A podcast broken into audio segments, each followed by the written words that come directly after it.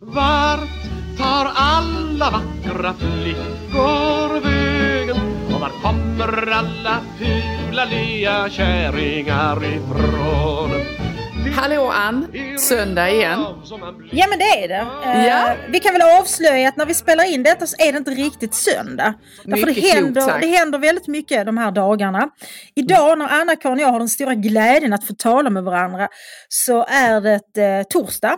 Dagens tema är ju en Söndagsskolan special eftersom det är när detta blir tillgängligt för er kära lyssnare så är det exakt en vecka efter att riksdagsvalet genomfördes och vi har Jajamän. ett resultat, vi har ett resultat och vi har också en, olika former av eftervalsanalyser och det kommer nu att serveras er en eftervalsanalys av eh, era kära söndagsskolafröknar här.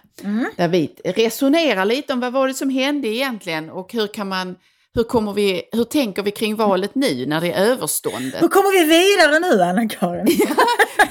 Det är väldigt, man kan väl börja så här, det verkar vara väldigt många människor som har svårt att se en väg framåt, utan det, är ju, det har ju funnits en räcka olika dramatiska sätt att beskriva detta val som nu genomfördes utan eh, större mankemang om jag förstår det rätt. Förutom de här konstiga grejerna med hur valsedlarna ställdes och att det tog väldigt lång tid, Ja, så har vi ju Jesus. ett, ett väl genomfört riksdagsval.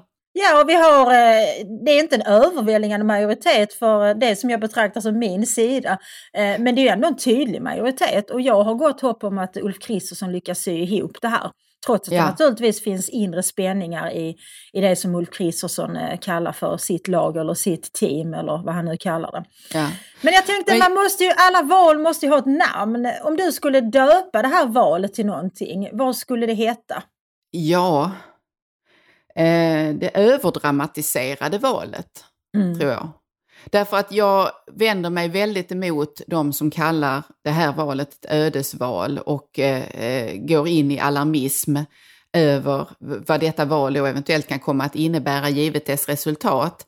Därför att om något så skulle jag säga att valen som har varit dessförinnan, eh, egentligen från 2006, ännu mer 2010 och därefter, eh, och, och där mycket av valdebatten istället handlade om huruvida man skulle tala med Sverigedemokraterna eller inte. De valen har varit egentligen mer ödesdigra, Mm. skulle jag säga, Mm. än det valet som har varit nu när partierna närmar sig varandra, i alla fall flera fall då, på ett, ett eh, rimligare sätt enligt mig. Därför att det innebär, om man talar med Sverigedemokraterna så finns det där också en respekt för Sverigedemokraternas väljare eller för de som överväger detta som ett alternativ. För mig har det varit ödesdigert att i så många val negligera dessa människor och negligera de problem som de uppenbart upplever i sitt liv. Mm. Så att det är ett överdramatiserat val.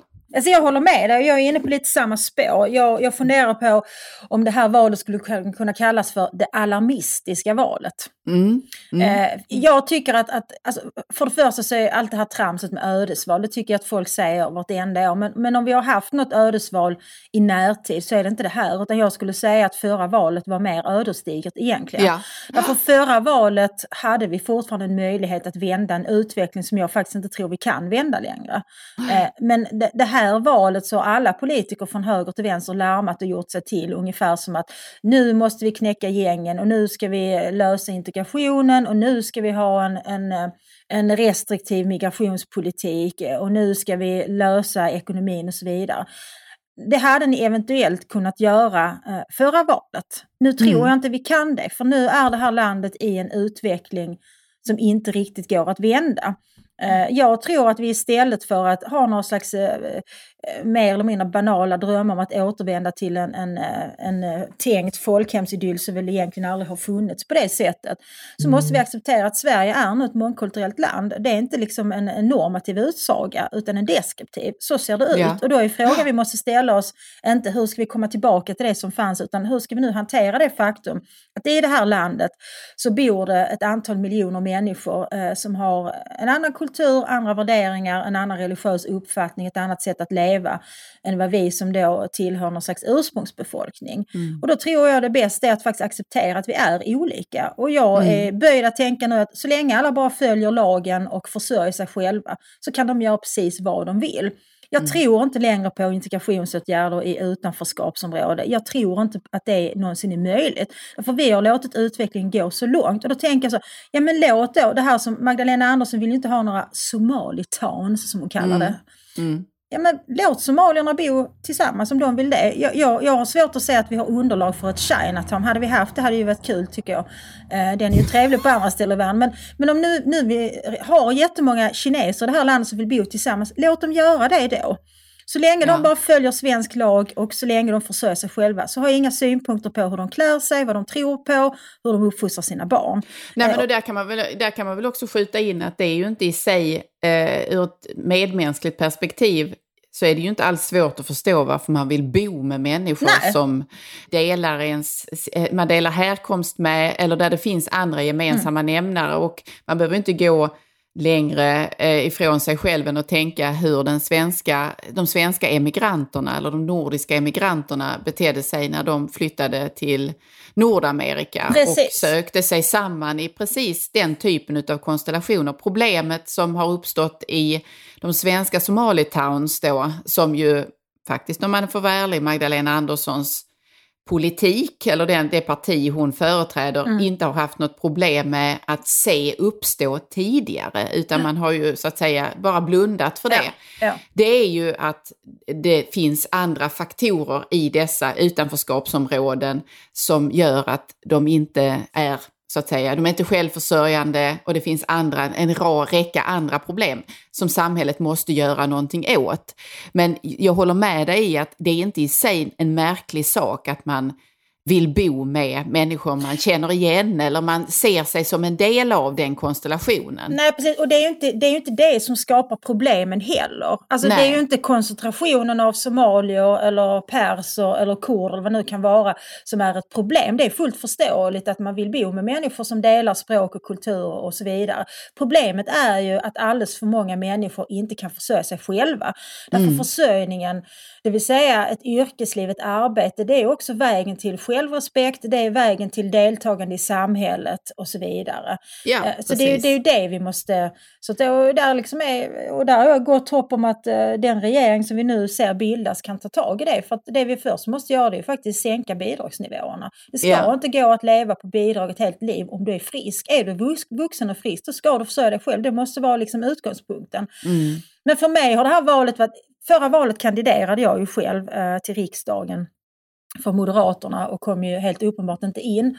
Men de frågorna jag drev då, det är ungefär de frågorna som mitt parti har drivit det här valet. Men när jag drev ja. de frågorna så var det ett stort problem. Då kunde man inte prata om strängare straff och, och krav på att människor ska prata svenska och sådana saker. Det var helt tabu. För förra valet så körde ju hela borgerligheten något sånt, vi är de hoppfulla.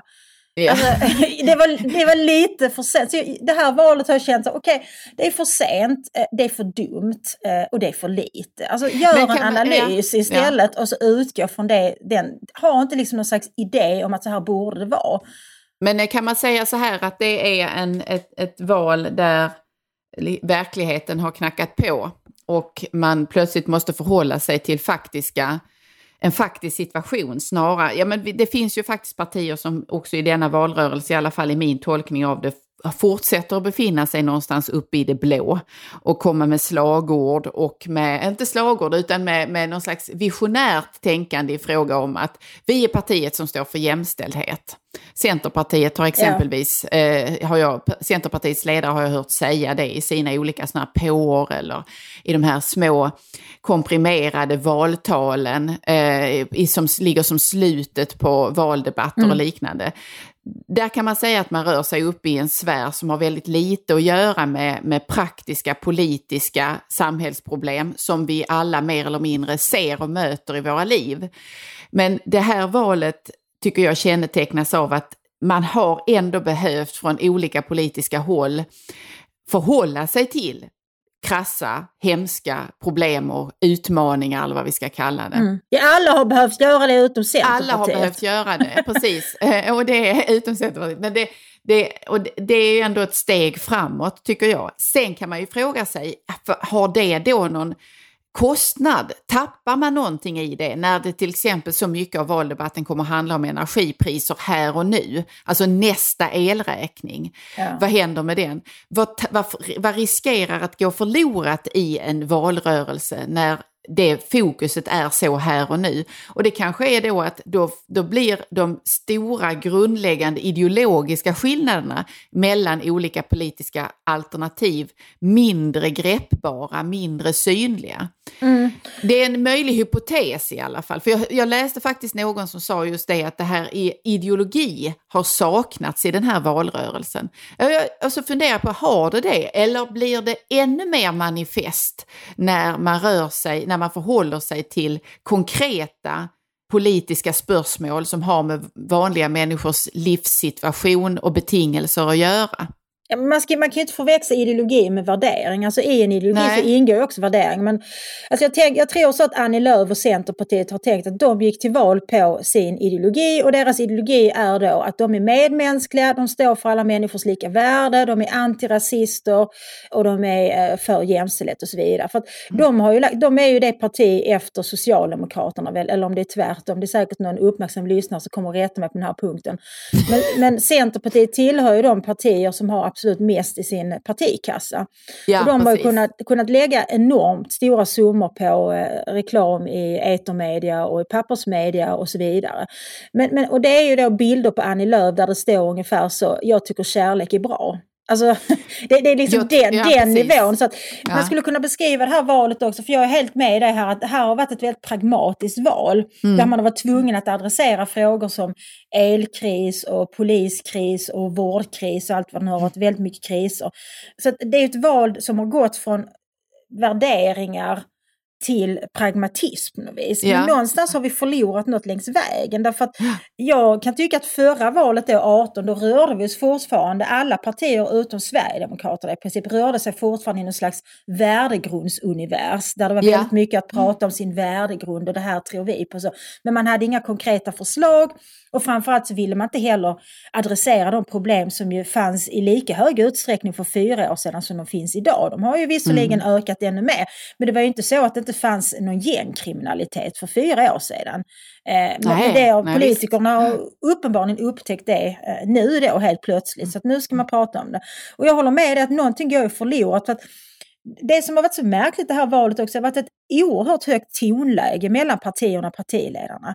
Men alla alla tycker egentligen samma sak. Alltså, i princip alla partier eh, vill ju gå med i NATO. Det är väl bara mm. egentligen eh, vänstern och Miljöpartiet som uttalar en mild skepsis. Alla är överens om att vi måste gå med i NATO. Mm. Alla partier är överens om att elpriserna är alldeles för höga. Till och med Miljöpartiet tycker ju det. Eh, mm. Och jag menar, förslagen för att göra något åt detta, de är också rätt så snarlika. Mm. Alla partier säger på olika rätt så tomma tunnor skramlar högst sett att vi ska knäcka gängen. Ja men hur då? Alltså, jo precis, nej men det är hur djuret som man lite, det, vi har närmat oss det ja. i den här valrörelsen men vi behöver ändå högre grad av konkretion. Har blivit en madam med skunk bak och fram det jag tänker är en ny sak. För, för menar, mycket går ju ändå igen i valrörelserna. Mm. Och lik, eh, eh, eh, man, man påminns om, ja just det, det där är ju så de gör när det närmar sig och så vidare. Men ett fenomen tycker jag har blivit tydligare och uppträder som en påverkanskraft i högre grad i detta val än föregående. Och det är hur sociala medier spelar roll och framförallt mm. hur influerare. Det är väl rimligt att de man tillfrågar har någon slags kunskap om det fältet eller den arenan ja, man då ska uttala sig. Ämnet på allvar framförallt. Ja, men det vi har sett i det här valet skulle jag säga är en, en allt, ett allt högre tonläge också i att eh, inom citationstecken, kända människor eller influerare går ut och spelar en mycket tydlig roll i valrörelsen. Alltså, jag tycker det här är så intressant därför att vi har, har länge haft en debatt om att man ska ta, man säger så här att eh, personer som är stora på Twitter och så vidare ska ta ansvar för sina följare. Mm. Att om någon skriver någonting där då ska man ta ansvar för det och så att säga uppfostra följarna. Mm. Men här ser vi då ett nyttjande av följare på ett helt nytt sätt som jag tycker är egentligen långt allvarligare. Nämligen att man säger, du som följer mig, lyssna på mig och vad jag ska rösta på. Väldigt, väldigt tydligt. Alltså det är inte egentligen någon form av politisk argumentation, utan det är bara, här ser ni en bild på mig och jag säger jag röstar på detta, det ska du också göra. Det som det slog mig allra mest marka äh, markerande i detta är ju då någon, en eller två dagar innan valet så gick Hanna Vid, vad heter de nu? Hanna, Hanna Widell och Amanda Schulman, de är väl ja, systrar precis. Ja, och, mm. och som är stora. I allt de gör är de mycket, mm. mycket framgångsrika. Hatten av för det. Mm. Men de gjorde ett, en, en mycket tydlig markering att de stöttade Magdalena Andersson. Och att deras följare då borde rösta på det som var hennes otydliga alternativ i politiken får man väl säga. För att de hade ju inte någon, någon enad front, men hennes alternativ i politiken. Och det där är, det lämnar faktiskt en, också en, en, en dålig eftersmak tycker jag för mig. För där finns också ett ansvar som borde tas faktiskt.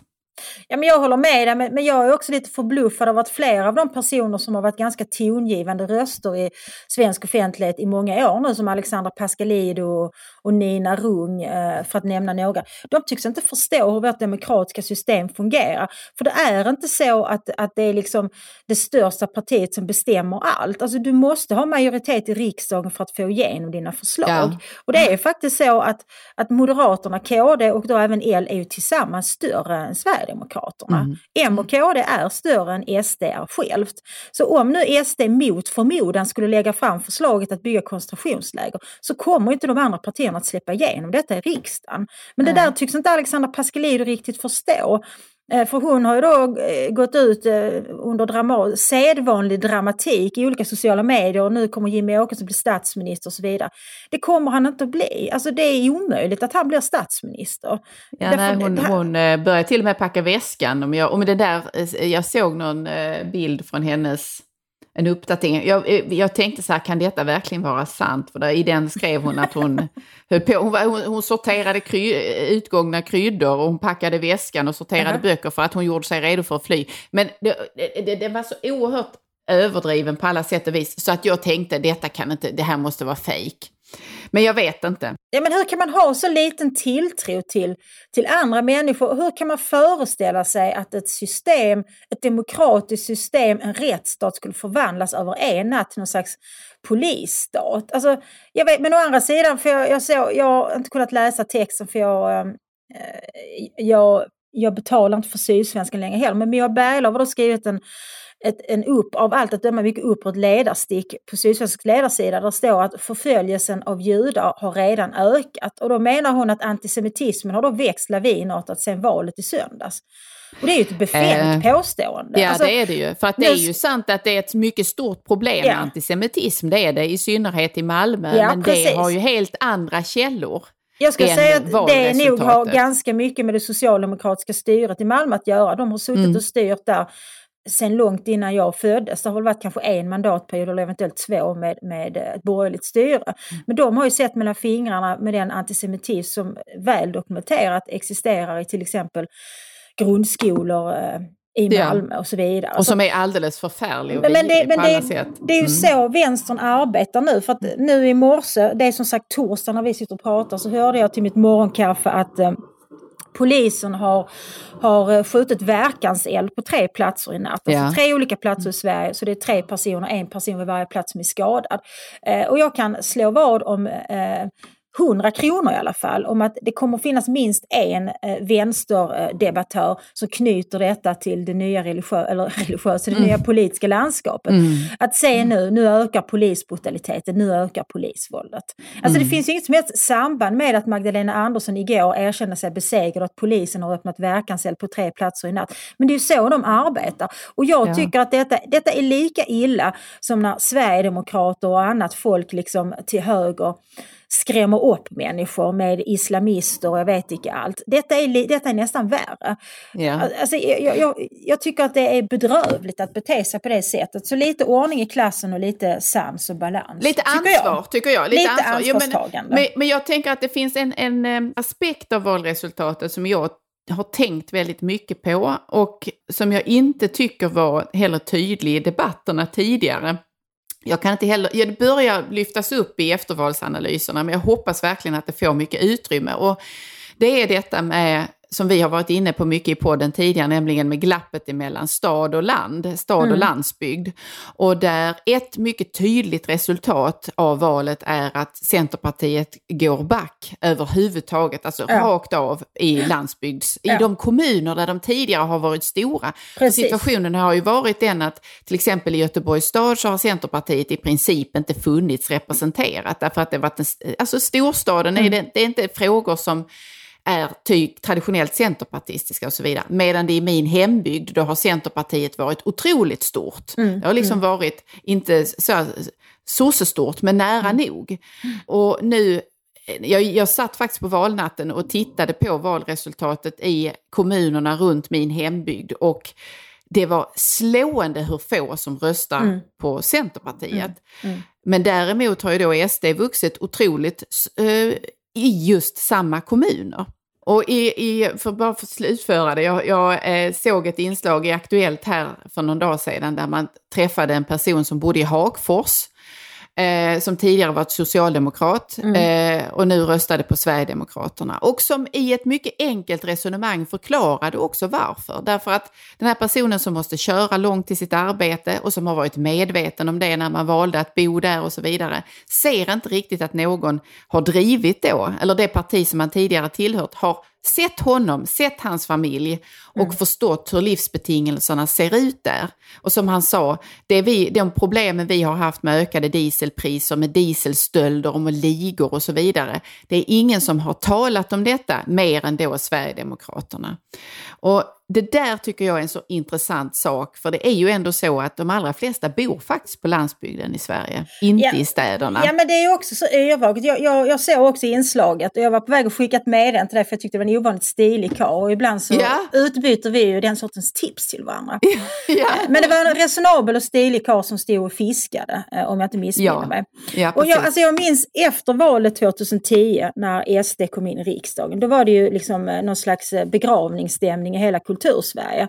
Då ja, den påminner lite om det som är nu. Ja, egentligen. precis. Eh, mm. Då skrev jag en text eh, till Sydsvenska kultursida som de faktiskt refuserade, vilket var ganska ovanligt på den tiden för att jag fick in i princip allt. Men därför att jag kände Sverigedemokrater redan då. Jag noterar nu att, att jag, jag kommer från Skåne, jag är uppväxt i Malmö.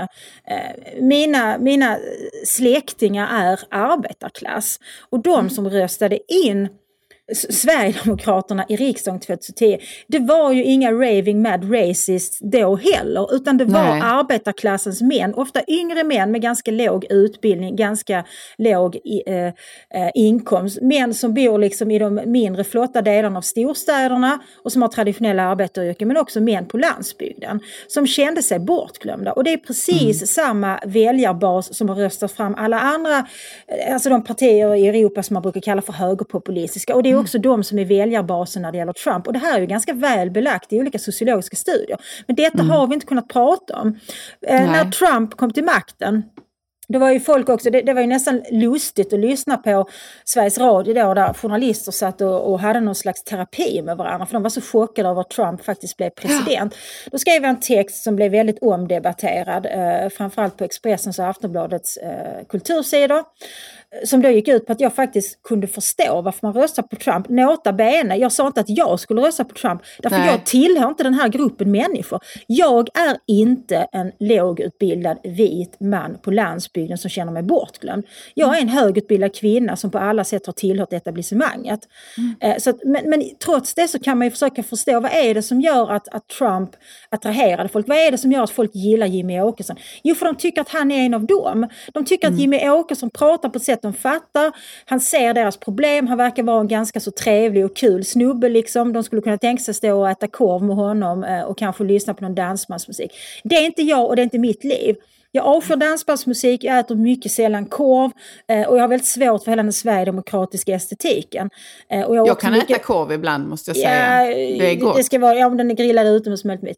Ja. Och jag har också mycket svårt för, för delar av deras, ja, framförallt deras ekonomiska politik. Och jag tycker också att de går för långt när det gäller deras, hur mycket de vill ha inflytande över kultur. Och jag tycker en del jo, men... av deras förslag är vansinniga. Men jag förstår vad det är de, vad det är de väcker hos folk. Och det, det, du har helt rätt att han sammanfattar på ett fint sätt den här eh, fiskaren i Hagfors. Mm, mm, att Sverigedemokraterna har sett de här problemen.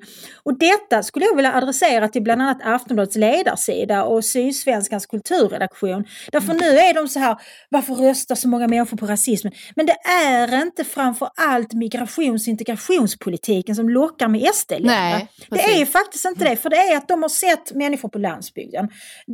Alltså ute i kommunerna så driver vi ofta lokala sverigedemokrater sånt som att, att eh, människor på särskilt boende, det vill säga det som vanligt folk kallar ålderdomshem.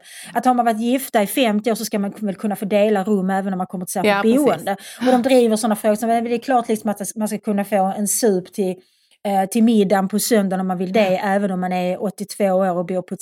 Alltså de, de, de tar de här liksom ganska till synes små och eh, liksom, vad ska vi säga, inte så jätteviktiga frågorna. Istället för att driva frågor om eh, genuspedagoger och hbtq-perspektiv. Ja. De ser liksom de vanliga människorna och deras rätt så vanliga och ibland kanske futtiga funderingar, men de tar dem på allvar. Ja, nej, men och det fungerar. Ja, och man måste väl också i ärlighetens namn säga att eh, tittar man på det här helt, som Sören Holmberg sa i, under SVTs valvaka, historiska framgångskurvan mm. som Sverigedemokraterna nu i och med detta valresultat har uppvisat så är det ju också så att det går inte heller att säga att det bara är den typen, den gruppen som har sett sig eh, eller känt sig bortglömda eller inte sedda och vars, vars liv inte har lyfts, eh, livssituationen inte mm. har lyfts av mm. andra partier.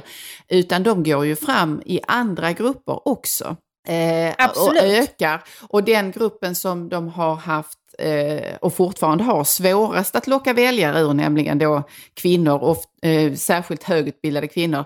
Även där ser man, man ser att Sverigedemokraterna ökar också bland kvinnliga väljare. Och mm. detta är ju, oavsett vad man tycker om deras politik eller i vad mån man ser sig stå nära eller långt ifrån, så är ju detta någonting som måste stämma till eftertanke och som borde ha gjort det långt, långt tidigare.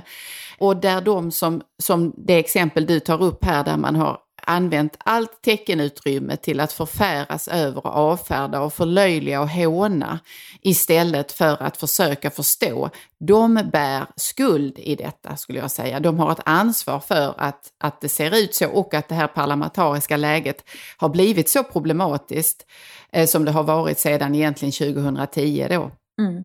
Men jag tänker liksom att man kan ändå utvidga kretsen av människor som upplever att de inte är sedda. För jag menar om Sverigedemokraterna ja, först eh, rönte framgång i just det här skiktet, det vill säga relativt unga lågutbildade män som inte bryr sig så mycket om genusvetenskap och, och, och mångkultur och så vidare. Så är det ju då många andra som upplever att de och deras behov och deras liv inte uppmärksammas och kanske också känner att de får bära hundhuvudet för väldigt mycket. Och då pratar jag liksom om de vita cismännen, som ju faktiskt, om vi ska vara helt ärliga, fortfarande är en ganska privilegierad grupp. Men mm. de känner mm. sig då nedsablade av människor som tycker att de inte ska få grilla kött och, och köra sina stora bilar yeah. och så vidare. Så då kommer det ju en mm. motreaktion som ju egentligen inte är helt rimlig, men Sverigedemokraterna förstår det här. Och när det gäller att de faktiskt har rekryterat en hel del väljare bland kvinnor nu också som ju varit notoriskt mm. svårt tidigare. Det handlar också om att de har ju faktiskt varit oerhört smarta i hur de har rekryterat representanter. Jag tror att en mm. sån person som Jessica Stegrud som ju är en, en mycket trevlig och välutbildad eh, kvinna i vår ålder, hon har gjort mycket för att bryta stigmat kring SD som har funnits för kvinnor. Därför Jessica mm. är inte en fradgande galning utan hon är en helt normal och trevlig liksom, eh, tvåbarnsmamma från Höllviken. Ja. Så Men, tänker äm... inte de andra partierna. Nej. För att hon är ju rekryterad utifrån. Liksom, så att säga. Ja, för de har tänkt att det här är precis den typ vi behöver och det är väldigt listigt. Ett poddtips från Podplay. I fallen jag aldrig glömmer djupdyker Hasse Aro i arbetet bakom några av Sveriges mest uppseendeväckande brottsutredningar går vi in med hemlig telefonavlyssning och, och då upplever vi att vi får en total förändring av hans beteende. Vad är det som händer nu? Vem är det som läcker? Och så säger han att jag är kriminell, jag har varit kriminell i hela mitt liv men att mörda ett barn, där går min gräns. Nya säsongen av Fallen jag aldrig glömmer på Podplay. Midjan så smal, så att royal men om man ska vara helt ärlig så måste man ju också säga att det finns ju ett annat parti som har ökat skarpt, får man väl ändå säga. I synnerhet givet att man har varit regerings, eh, haft regeringsmakten under åtta år. Mm. För Socialdemokraterna ökar ju till 30 var det 30 procent det slutade på ungefär. Ja. Vilket de flesta valkännare då säger är det är anmärkningsvärd, en anmärkningsvärd och imponerande ökning givet att de har suttit i åtta år och det brukar vara svårt att öka efter att man har innehaft regeringsmakten på det sättet. Min analys, min eftervalsanalys på det handlar ju om att dels är det det här eh, framgångsrika skiftet av partiledare eller partiordförande mm. och en mycket skarp och tydlig omsvängning i retorik och mm. i eh, politiska lösningar på de faktiska problem som Sverige står inför och till och med kanske man ska säga ett erkännande av problem som andra partier, till exempel Sverigedemokraterna, har talat om tidigare, men där man då helt enkelt har bara man har ignorerat att tala om det eller man har skrivit om det på ett sätt så att man har fått en annan källa till problemet än vad det egentligen handlar om. Där man har talat om att det är segregation till exempel, istället för att säga att det är de migrationspolitiska åtaganden som Sverige har gjort som har lett till en del av de problemen Sverige nu står mitt i. Och det, jag tycker det är intressant och jag tycker det är särskilt intressant i relation till att titta på vårt valresultat i förhållande till hur skolvalsresultatet slår ut.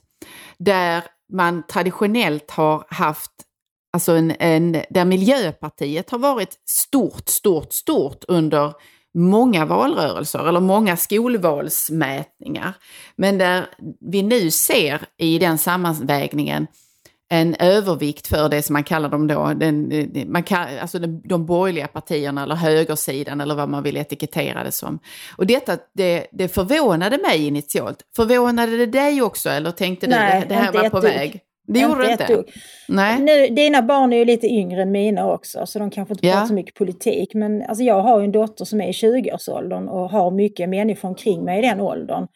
Nej, det förvånar inte mig alls att eh, att unga människor röstar övervägande till höger. Därför unga människor lever, alltså det är en jättestor skillnad på den generationen som går gymnasiet och precis har slutat gymnasiet nu och de som är kanske 5-10 år äldre. Därför att mm. de som går gymnasiet nu och precis har slutat, de har växt upp i ett helt annat samhälle. Och det är ju ett samhälle, alltså alla i den åldern känner någon som har blivit rånad. Ja. Mm. Eh, och det, mm. alltså, det är en verklighet de lever med. Eh, mm. Och det är någonting som de tycker är problematiskt och uppenbart så tror de inte på Socialdemokraternas lösning och uppenbart så hela den här, det var Adam Schweman som skrev en intressant text i GP ja, mycket att, intressant att eh, Greta-generationen finns bara på kultursidan och den mm. analysen mm. har jag dragit för länge sedan. Därför jag har mm. aldrig träffat en ung människa som i verkligheten har den sortens klimatångest.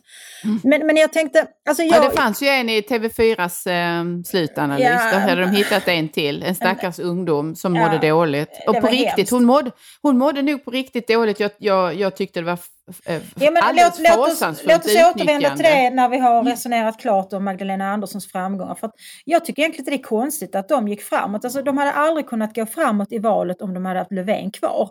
Men när Magdalena Nej. Andersson kom, hon har ju nogsamt undvikit att tala om att det är inte så att hon inte har suttit i regeringen tidigare. Hon har varit finansminister, vilket innebär ja. att hon har ett mycket stort ansvar för hur politiken har skötts eh, de här mandatperioderna som det handlar om. Men hon har lyckats få det till att hon har, suttit, hon har varit statsminister i åtta månader och på de åtta månaderna så har hon varit resolut och hanterat saker. Hon har sett till att gå med, ansöka om att gå med i NATO, hon adresserar problemen med energikrisen i EU och så vidare. Så hon har ju hon har varit duktig på att konstruera sig själv som en mycket handlingskraftig och pragmatisk person. Sen är det ju så, det finns ju väldigt mycket empiriska studier som visar att människor söker sig till det trygga, det de känner igen i tider av kris.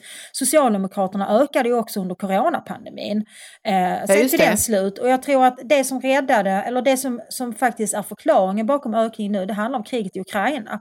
Mm. Därför när omvärlden är instabil eh, så tänker man sig att då vill vi ha så lugnt som möjligt på hemmaplan och då är det kanske ändå säkrast att rösta på det man redan vet vad det är. Ja, eh, så precis. tror jag att många har resonerat faktiskt. Exakt. Eh, och hon har ju gjort en, en mycket stor poäng flera gånger i valdebatter att säga att under mina åtta eller nio månader. Precis, precis. Eh, och, och, inte under mina åtta år. Utan, och det har ju möjliggjort för henne att i princip gå i opposition med Löfvens regering och. Löfvens politik, även om de då i allra högsta grad företrädde samma parti och samma politik. Eh, och det har varit märkligt att skåda och inte helt ärligt spel skulle jag säga. Det är väl eh, oärligt spel många eh, kör med i valrörelser, men det har varit signifikativt, absolut, därifrån. Sen noterade jag också i hennes eh, pressträff här i samband med att hon meddelade sin avgång att hon eh, dels, då talade hon om de här åtta åren. Då handlade det om att de åtta åren hon hade haft ansvar så att säga för finanserna så hade hon byggt Sverige starkt. Ja, hon så har varit selektiv. Nu, ja, nu, nu gick det att anföra hela, hela, eller de här två mandatperioderna. Mm. Sen sa hon också en annan sak som jag fäste mig vid och det var att hon talade om att många i Sverige var rädda nu, givet det valresultat vi hade. Många, Sverige, många i Sverige var rädda och hon ville skänka dem eh, en, en, känsla av hopp i att hon stod ändå redo att ta över. Och att det var goda krafter som skulle verka för att den här rädslan inte skulle få konkreta eller praktiska effekter, så att säga, ett faktiskt utfall. Sen talade hon om de som då har valt det här regeringsalternativet eller som har valt något av de partier som nu ingår i regeringsunderlaget som om de vore förledda som om de hade, i synnerhet då de som har valt att rösta på Sverigedemokraterna, som om de hade gått på eller trott på någonting som då är en är lögner eller något liknande. Och det där, då tänker jag på mannen i Hagfors igen. För för honom handlade det inte alls om det. Alltså den här Aktuellt-mannen. Mm. Och det, det, det, är, det är precis den retoriken som jag tror har lett till en mycket stor del av det här glappet. Eller som hela tiden har vidgat det där glappet. Och tro att det är människor som bara låter sig ledas eller blir förledda. Och att de inte alls väljer detta för att de lever i, ett, i en i en situation och i en omständighet där det finns problem som ingen annan adresserar. Jo men det tror jag att du har helt rätt i. Eh, och att det irriterar människor att de betraktas som just förledda. Men jag tänker ändå vi ska fundera lite över, nu kommer ju, SD har väl, får man väl säga, släppts in i någon slags finrum här nu. Mm. Eh, de kommer med stor sannolikhet inte sitta i regering, men jag tror att de kommer få någon annan post som blir plåster på såren och de kommer vara, eh, vara ett, ett, ett, ett Alltså de kommer vara delaktiga i beslutsprocesser och så vidare. Hur tror du det kommer påverka stödet för Sverigedemokraterna? Kommer de att vinna på detta eller kommer de att förlora? Kommer de gå fram i nästa val också? Eller kommer vi se att de backar nu?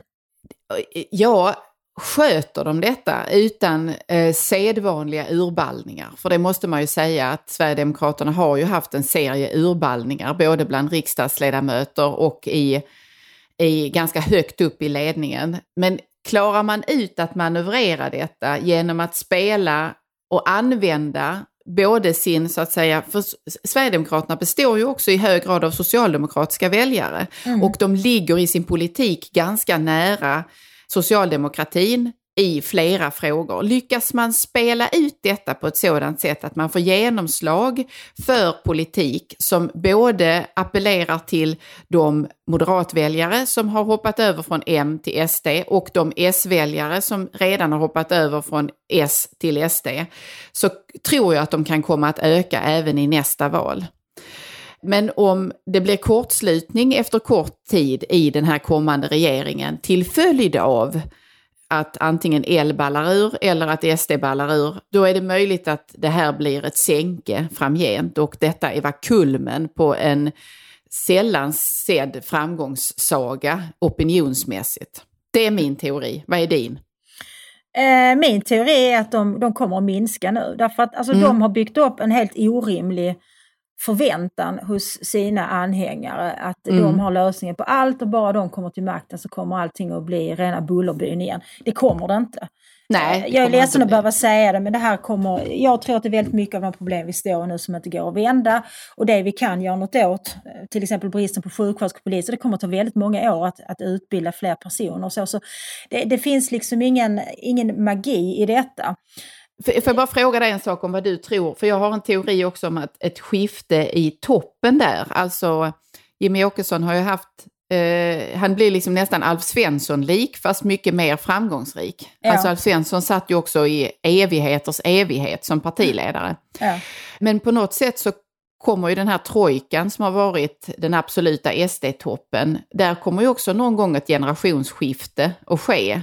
Mm. Och då är ju frågan hur väl det utförs. För de här snubbarna, de har ju jobbat i motvind lång tid och sen plötsligt så har då det, det, ett, ett skifte skett och nu är de inne, som du sa, i finrummen. De unga som kommer att ta vid där har ju inte upplevt samma initiala motstånd. Jag tror det också kommer påverka vad, påverka vad SD på sikt blir till. Ja men alltså det är väl både positivt och negativt för partiet tror jag. För att dels så kommer kanske, för att jag uppfattar Sverigedemokrater som en väldigt sammansvetsad grupp och det har de ju blivit för att de har känt sig så motarbetade. Mm. Men samtidigt så är de ju obönhörligen sammanknippade med ett ganska unket, eh, en unken historia. Att det, ja. det går ju inte att förneka att eh, de här som fortfarande sitter i ledningen var ju faktiskt med i partiet när det fanns rätt så tydliga kopplingar till mindre aptitliga åsikter och rörelser. Ja. Men byter man, ja, byter man ut parti ledningen med eh, yngre krafter och då menar jag inte nödvändigtvis yngre i antal år den här människan Nej, är utan yngre i partiet så klipper man ju också, då kapar man ju också banden med den historien. Eh, och jag tror att den historien är någonting som hindrar en del människor från att faktiskt lägga sin röst på SD. Men som Exakt. sagt, alltså, den mesta forskning visar ju att ett parti som har varit i opposition länge förlorar ju på det när de väl får möjlighet att påverka. Därför att mm. de kan inte påverka så mycket som deras väljare tror. Eh, jag kan också säga, nu kommer jag låta snorka, men jag tycker det är oproportionellt många SD-anhängare som inte kan stava till statsminister. Utan de vill ha Jimmie Åkesson som stadsminister. Ja. Eh, och, ja, kanske, kan... De kanske vill att han ska bli borgmästare i någon stad eller något liknande. Ja, det är det liksom, de tänker på kan, kan inte bara alla människor lära sig att det heter statsminister med T? Alltså, kan ni inte ja. försöka förstå vad saker heter och försöka förstå hur det här systemet fungerar? Jag tror mm. också, jag, jag tror inte det är sannolikt att Sverigedemokraterna får någon ministerpost, för de kommer inte att ingå i regeringen. Detta kommer, tror jag, skapa mycket stor besvikelse bland många av deras väljare. Eh, risken är att de kommer att söka sig till alternativ som är mindre rumsrena. Och den, det mm. har vi ju redan sett delvis, att en del människor som är så att säga besvikna på Sverigedemokraternas anpassning som de ser De har ju gått till AFS till exempel. Ja, eh, och det men... tror jag, jag tror både AFS och Nyans kommer att växa i nästa val. Ja, eh, jo, nej, men det, det eh, precis. Men sen har vi ju sett bland annat i, i några av våra nordiska grannländer att den tillvägagångssätt som av allt att döma nu kommer att ske här i den här nya konstellationen av regeringsunderlag, det kan också desarmera. Alltså det, det desarmerar inte sällan det här missnöjespartiet och dess enorma tillväxt som, jag menar, vi har ju haft en liknande process i Danmark exempelvis, mm. men där, där ty, mycket tydliga omsvängningar inom socialdemokratin och också hur man nyttjade detta parti, detta missnöjesparti i olika underlag för regeringsbildning och så vidare, så småningom har gjort att de har blivit mycket mer, mindre tongivande och inte kan ta, inte kan trycka på i regeringsbildningar eller kräva inflytande på det sättet därför att de andra partierna har så att säga adresserat frågorna och erbjudit rimliga lösningar som inte legat så långt ifrån hur man då har önskat inom de här andra ytterligheterna. Jo, men det är ju för sent i Sverige. Alltså det, det ja, tåget det det. har ju gått så att säga. För nu är Sverigedemokraterna Sveriges andra största parti. Och jag måste säga att det oroar mig. Eh, det Mm. oroar inte mig för att jag tror att Sverige plötsligt kommer att bli mycket mer rasistiskt eller sånt, utan det oroar mig att Moderaterna inte är det näst största partiet längre. Därför Moderaterna Mm. är ett borgerligt parti. Eh, Jag tycker att vi behöver mer borgerlighet och inte mindre. Sverigedemokraterna är inte borgerliga, de vill inte kalla sig borgerliga. De kallar sig, vad är det de kallar sig? Eh, Kons, eh, vad- är de nationalkonservativa eller vad kallar de det? Ja, något sånt. Eller de, har de inte Ja. något socialistiskt? Jag vet inte riktigt. Socialkonservativa Social, säger precis, de. Socialkonservativa, ja.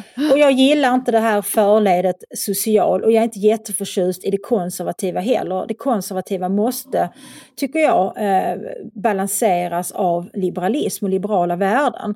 Och jag ser att liberalismen idag kämpar för sin överlevnad och då talar jag inte om partiet Liberalerna. Nej. Därför Liberalerna är inte synonyma med liberalism. Men jag måste säga att jag tycker ibland att, att våra liberaler i Sverige är mycket dåliga på att vara liberala. Och de liberala värdena måste försvaras och det är ju Mm. något som ligger en borgerlig person varmt om hjärtat. Men i kombination med vissa konservativa värderingar som att ha ett starkt försvar och ha ett, ett starkt rättssystem och så vidare. Men det liberala slår igenom på det privata, det vill säga skit i vad folk gör i sängkammaren. Alltså, den sortens privatmoraliska frågor tycker jag har fått ta allt för stort utrymme eller ta stort utrymme i den offentliga debatten idag. Eh, Mm, och mm. där, där är jag, har jag en, en oro över att Sverigedemokraterna är mycket mer benägna att peta i saker som de borde hålla avstånd till, som kulturpolitiken. Ja, precis. Nej, men och sen eh, det, det du tangerar där handlar ju också om hur etiketteringen har sett ut här under valrörelsen och som det ska bli väldigt intressant att se hur den om den hänger kvar eller om den skiftar i samband med att regeringsbildningen sker och formeras och så att vi får svar på hur blir det, vem kommer att få ministerpost och inte. Där i princip ingen har omnämnt Ulf Kristerssons alternativ som det borgerliga alternativet. Utan man har talat om högersidan och vänstersidan eller då som eh, Märta Stenevi envisas och kallade det blåbruna. Det blå, man ska också komma ihåg att det blåbruna Eh, efter förra val, eh, valresultatet eller valrörelsen så eh, använde till och med Monica Saarinen som då gjorde en eh, lördagsintervju med dåvarande partiledaren för Vänsterpartiet. Då brukade hon detta eh, epitet, detta nedsättande epitet om den sidan. Hon talade om de blåbruna. Vilket ju lyckligtvis inte används på det sättet nu av journalister i alla fall. Men det, det, det ligger ju någonting i detta att man inte vill omnämna det som en del av borgerligheten.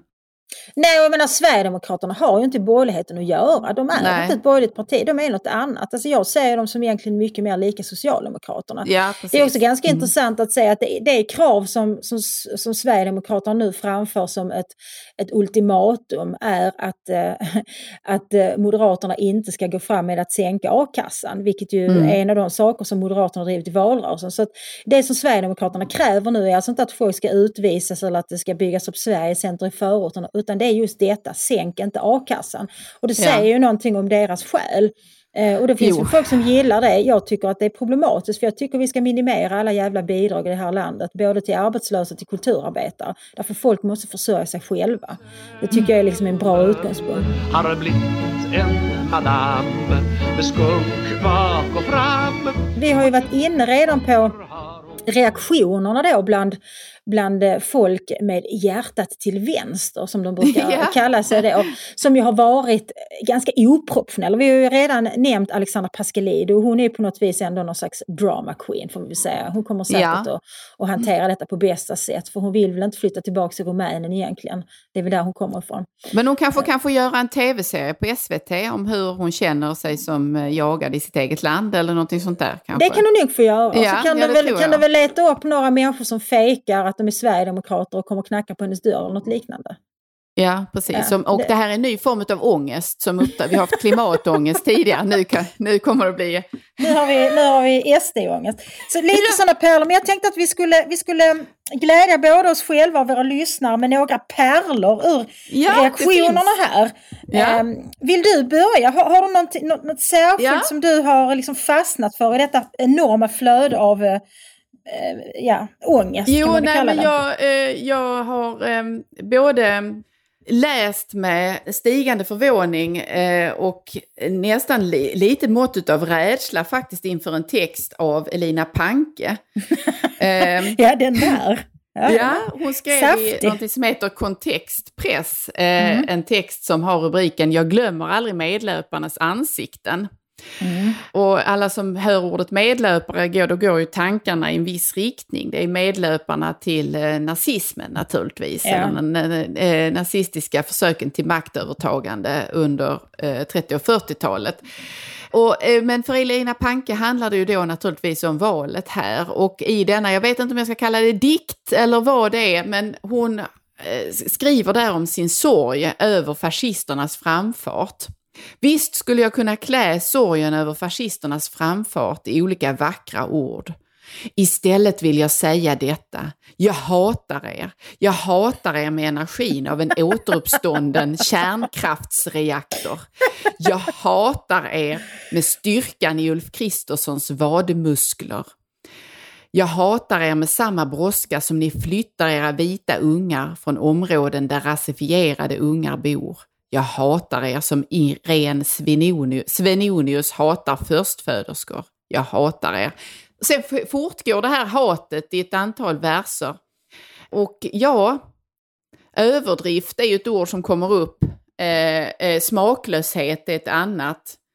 Eh, när jag läser denna, denna yeah. dikt, denna utgjutelse. Men jag skulle önska att jag kunde säga att Elina Panke är ensam om att skriva så. Eh, det är hon icke. Det Nej. finns en, en reka längre exempel och eh, jag tycker det är förfärligt, jag tycker det är hemskt, jag tycker ja, det är läskigt. Det, det är både hemskt och, och, och, och liksom parodiskt och, och absurt. Alltså, jag har noterat en, en stor längtan ut i naturen hos väldigt, väldigt många av de här som är besvikna. Till exempel Gunilla Brodresch, eh, hon skriver på Expressen Kultur om hur hon nu planerar att sitta på en sten i skogen och vänta på att tiden ska gå. Så Men, Gunilla ja, Brodresch, ja. Eh, hon är väl eh, litteraturkritiker eller det är väl framförallt kanske musik hon, hon eh, skriver kritik på. Hon ska nu vänta ut den här mandatperioden och bättre tider på en sten i skogen. Och Nina Rung, som jag tror var nämnt, ja, hon sökte, sig också, ja, hon sökte ja. sig också ut i naturen, Nina. Nina ja. beskriver då i en mycket delad och uppmärksammad post på Instagram hur hon gråter i skogen. Och hon gråter och gråter och hon ber alla om ursäkt. Barnen som då bisarrt nu har röstat på högeralternativet allihopa. Ja, det... Så du behöver inte be dem om ursäkt Nina, för att de är glada nu. Sen så har vi ju de som har tappat tron på både människor men kommer, och, jag får bara fråga, kommer Nina Rungs att kunna bedriva några kriminologiska studier där ute på skogen eller kommer det att vara hon får skjuta det på framtiden helt enkelt till sorgen är över. Jag vet vad, jag tror inte hon kommer skriva någon doktorsavhandling i skogen heller. För Nina Rung är ju inte kriminolog som vi har konstaterat flera ja, gånger. Men hon kan väl kanske, jag tror att hon kan göra något sånt som att räkna hon och hanträd i skogen kanske. Det kan hon göra ja. Ja, det, det är nog vad hennes Lycka kapacitet till. är ungefär. Varsågod för tipset. Mm.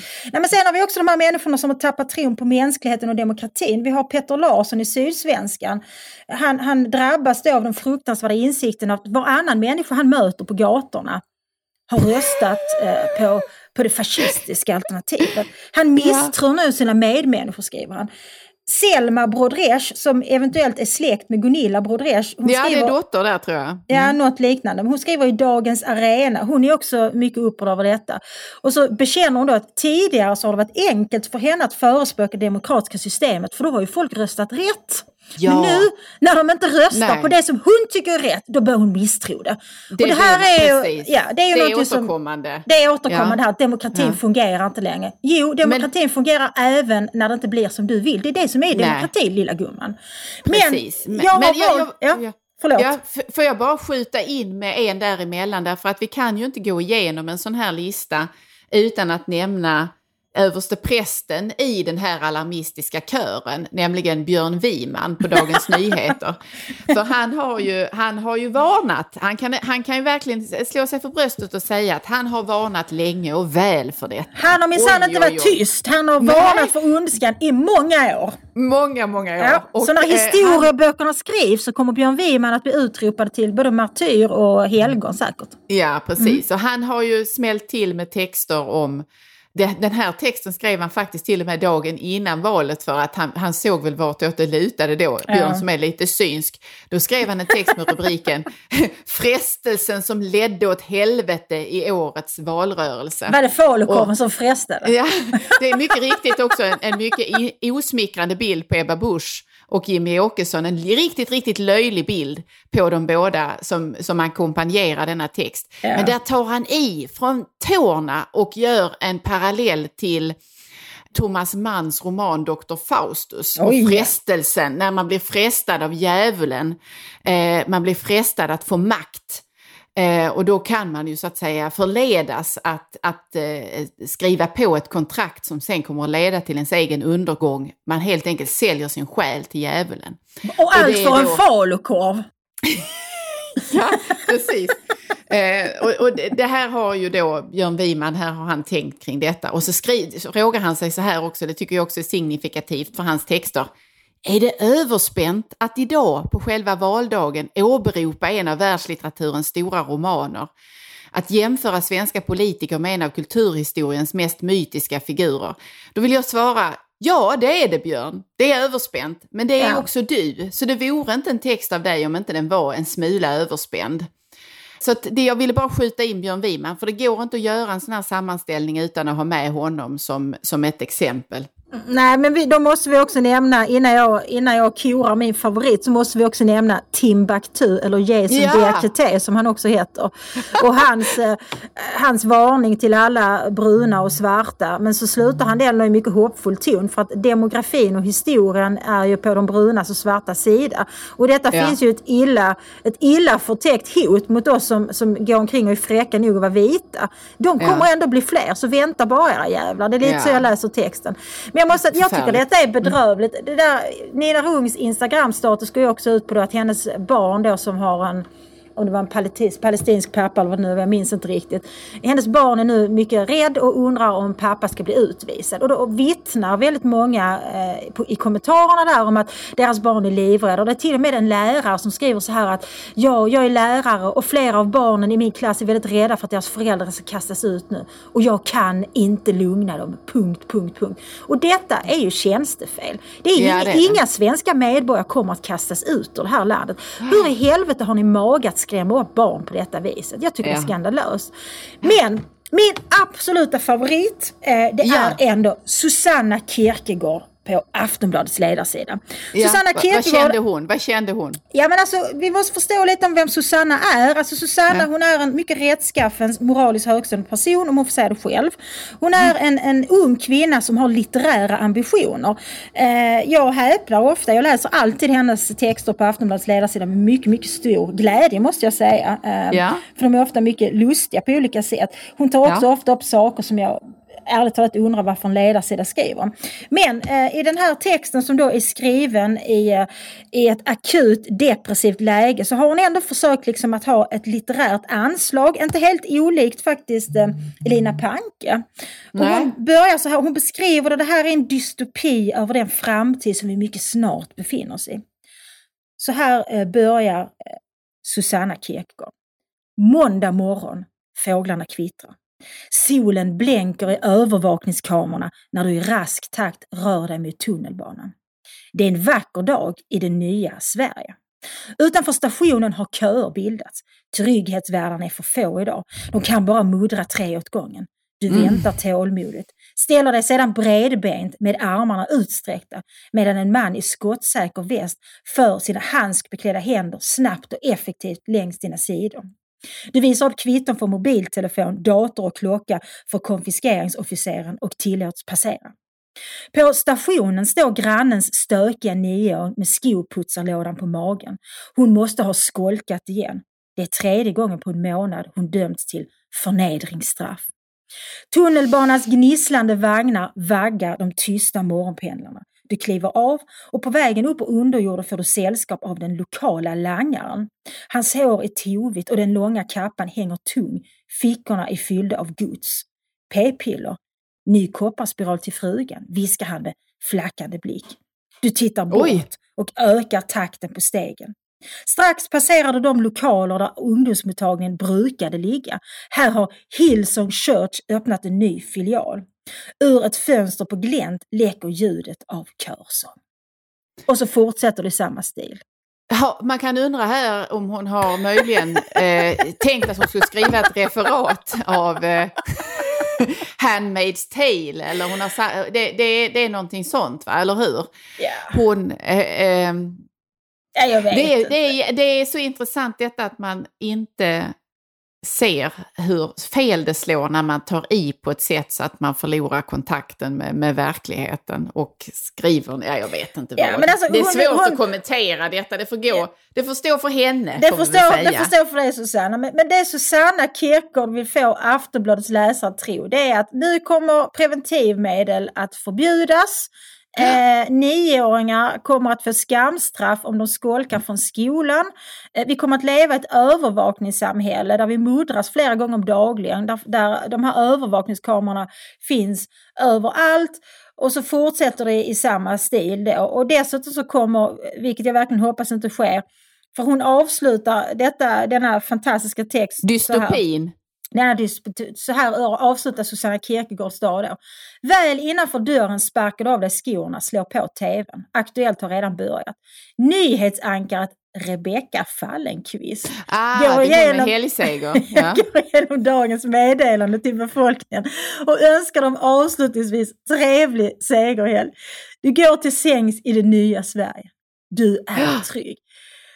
Nej, Mm. alltså, och allvarligt nu innan vi, innan vi stänger igen söndagsskolan från här helgen så måste jag ändå säga, men liksom Rebecka Fallenkvist och den här Linus Bylund och allt vad de heter.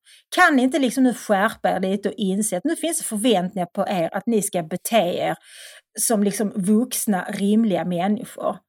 Så Ja. Bara lägg av nu. Alltså, var inte som tramsiga tonåringar.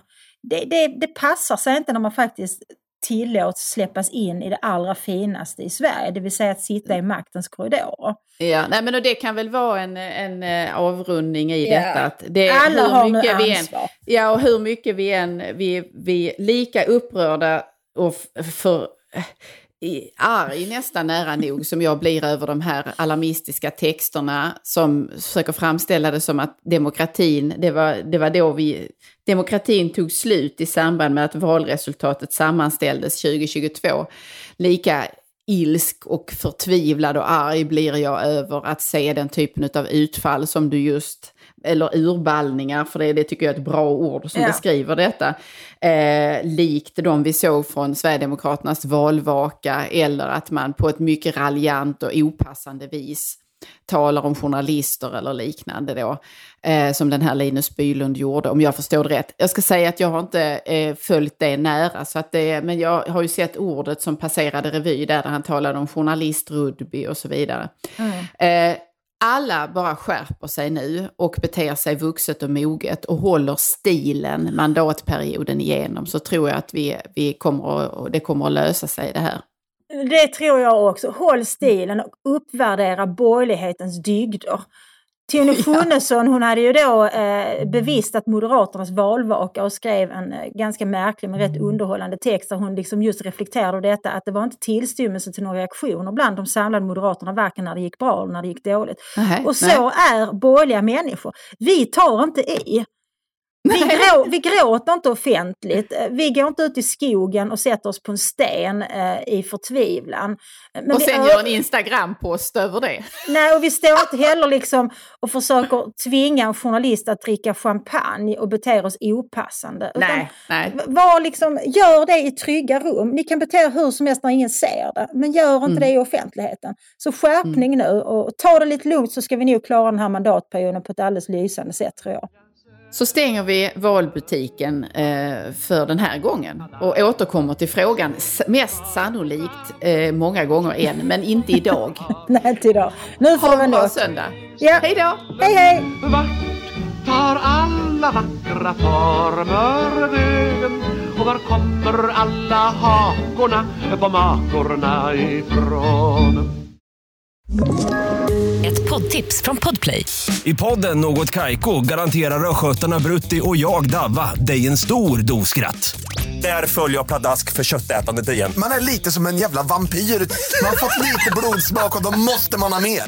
Udda spaningar, fängslande anekdoter och en och annan arg rant. Jag måste ha mitt kaffe på morgonen för annars är jag ingen trevlig människa. Då är du ingen trevlig människa, punkt. Något Kaiko, hör du på Podplay. Därför är gardinerna.